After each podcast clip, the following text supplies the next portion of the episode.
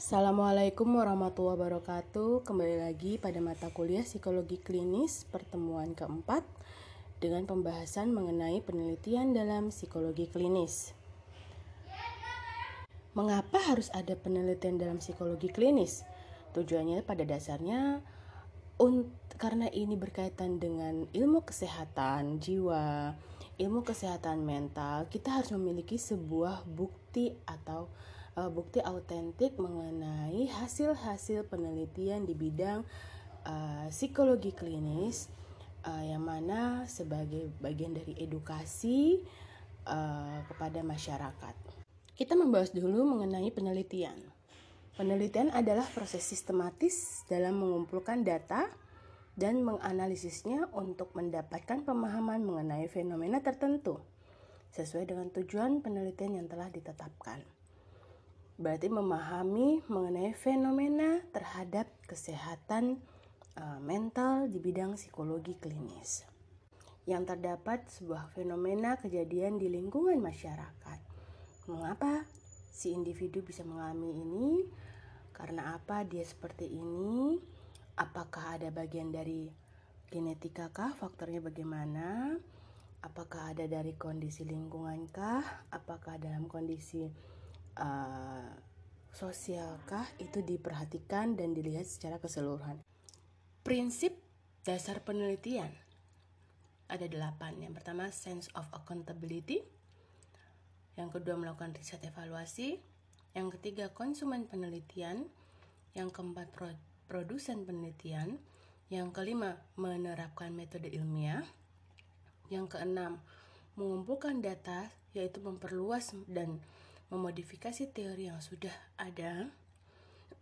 Artinya, ketika kita mengumpulkan data, otomatis kita sangat membutuhkan juga uh, modifikasi dari um, teori ataupun uh, apa namanya hasil-hasil uh, penelitian yang sudah pernah terjadi, yang sudah pernah ada kita uh, kumpulkan itu untuk melihat uh, bagaimana riset yang baru ini terhadap mungkin materi yang apa uh, pengukuran yang sama atau mungkin pengukurannya ada satu variabel yang sama ditambah dengan variabel yang lain yang mana sesuai dengan kebutuhan klinisi gitu. Yang ketujuh, hubungan teori dan penelitian. Base teori itu sangat penting sekali uh, ketika kita mau melakukan sebuah penelitian. Jangankan untuk penelitian, untuk praktik aja kita sangat membutuhkan base teori apa yang kita uh, gunakan dalam psikoterapi gitu. Yang kedelapan, perluas pengetahuan di bidang psikologi klinis. Tujuan dari penelitian yang pertama description yaitu menggambarkan tentang suatu fenomena yang terjadi yang berkaitan dengan uh, psikologis klinis atau uh, yang yang mana psikologis klinis ini membahas tentang kesehatan mental, uh, gangguan psikologi gitu ya.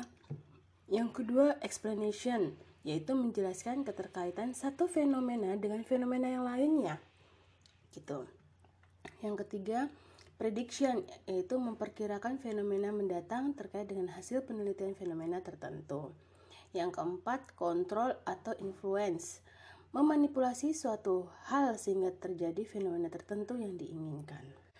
Adapun manfaat penelitian yaitu membantu memperluas dan modifikasi teori dalam mengaplikasikan hasil riset.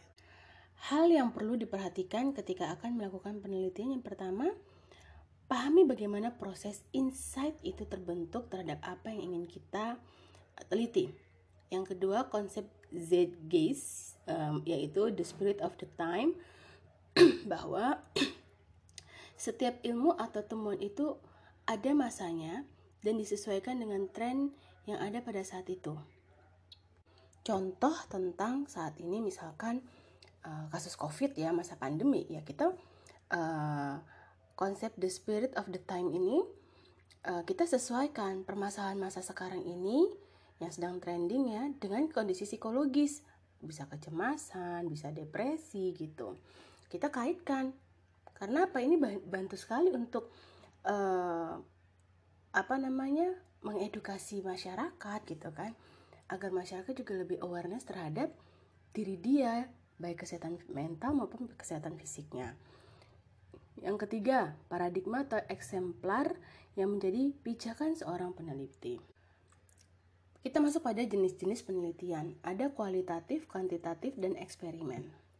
Kualitatif yaitu suatu studi kasus yang mana hmm, kita menganalisanya melalui sebuah pengamatan lalu kita uh, bisa mendeskripsikan uh, kasus-kasus tersebut menjadi uh, hasil lalu adanya fenomenologi dan longitudinal cross selection.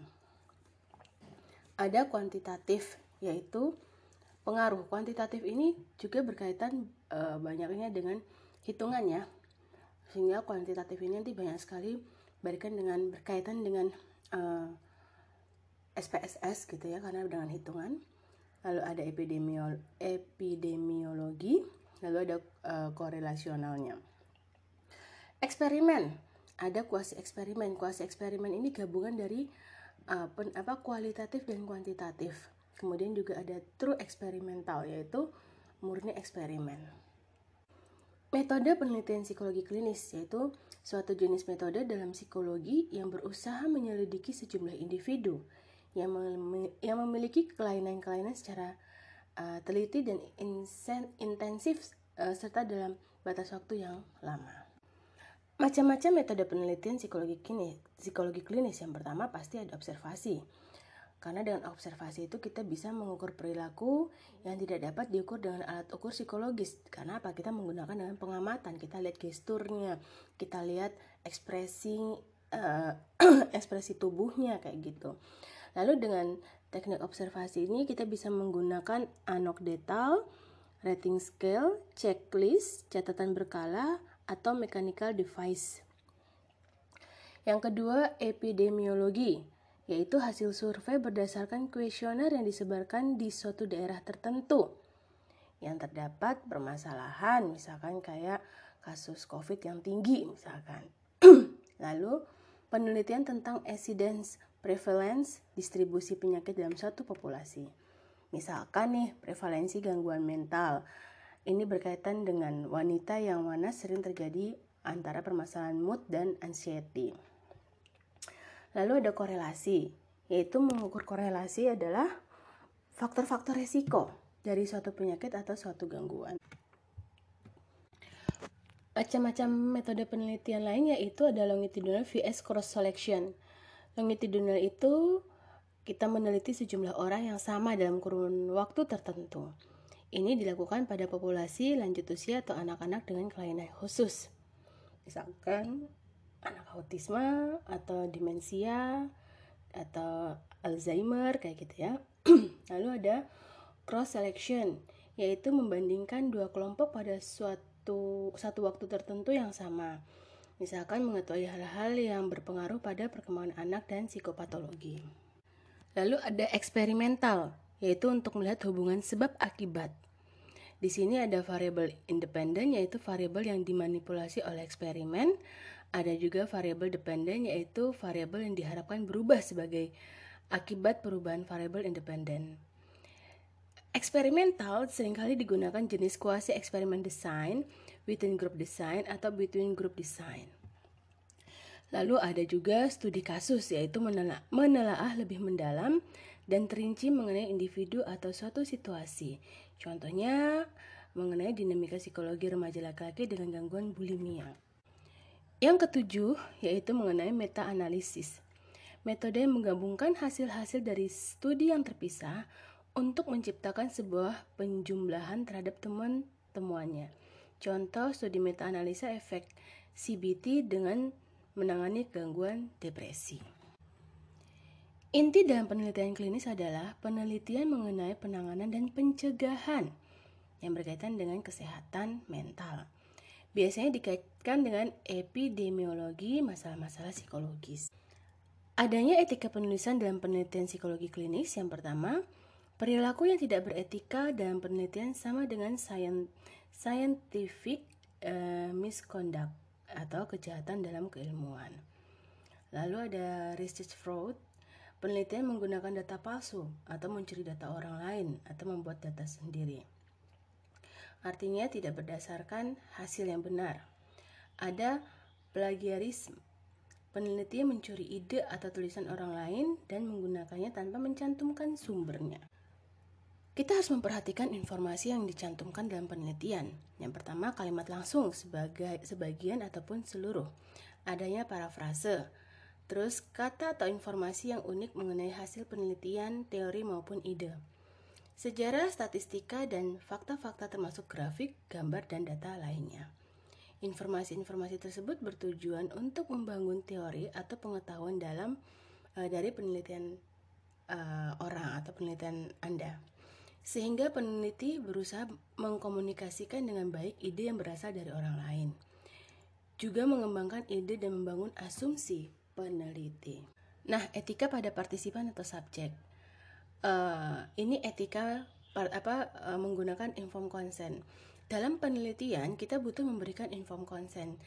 Uh, jangankan penelitian, ketika kita mau menangani kasus uh, saat berpraktik pun kita membutuhkan inform consent karena ini adalah hak dari subjek. Yang pertama menyatakan kesediaan karena inform consent ini berkaitan dengan sedia atau tidak bersedia untuk um, terlibat dalam penelitian sebagai subjek penelitian. Terbebas dari kerugian akibat penelitian atas kerahasiaan terkait dengan informasi yang diberikan dalam penelitian. Terbebas dari eksploitasi, menarik informasi atau keterangan yang diberikan. Kemudian ada juga etika pelaksanaan penelitian. Yang pertama, kita harus menghormati hak partisipan. Tidak menimbulkan rasa sakit baik secara fisik, sosial maupun psikologis. Jangan sampai ini partisipan merasa tertekan itu juga nggak boleh. Menjamin kerahasiaan partisipan, adanya inform consent, lalu perlindungan atas privacy dan anonymity. Apa sih inform consent itu? Yaitu kesediaan partisipan dalam penelitian biasanya dalam bentuk uh, form tertulis dalam praktek juga kita membutuhkan informed consent untuk si klien bersedia menyatakan persediaannya untuk dilakukan penanganan secara psikologi.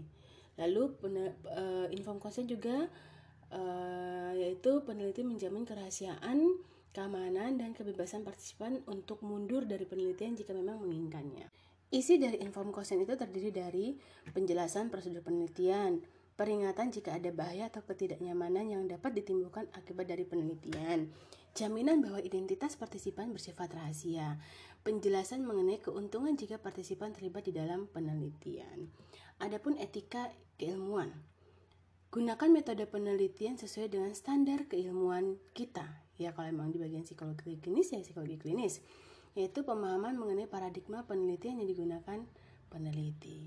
Demikian materi dari saya. Silahkan dipelajari terlebih dulu. Terima kasih. Wabillahi taufiq walhidayah. Wassalamualaikum warahmatullahi wabarakatuh.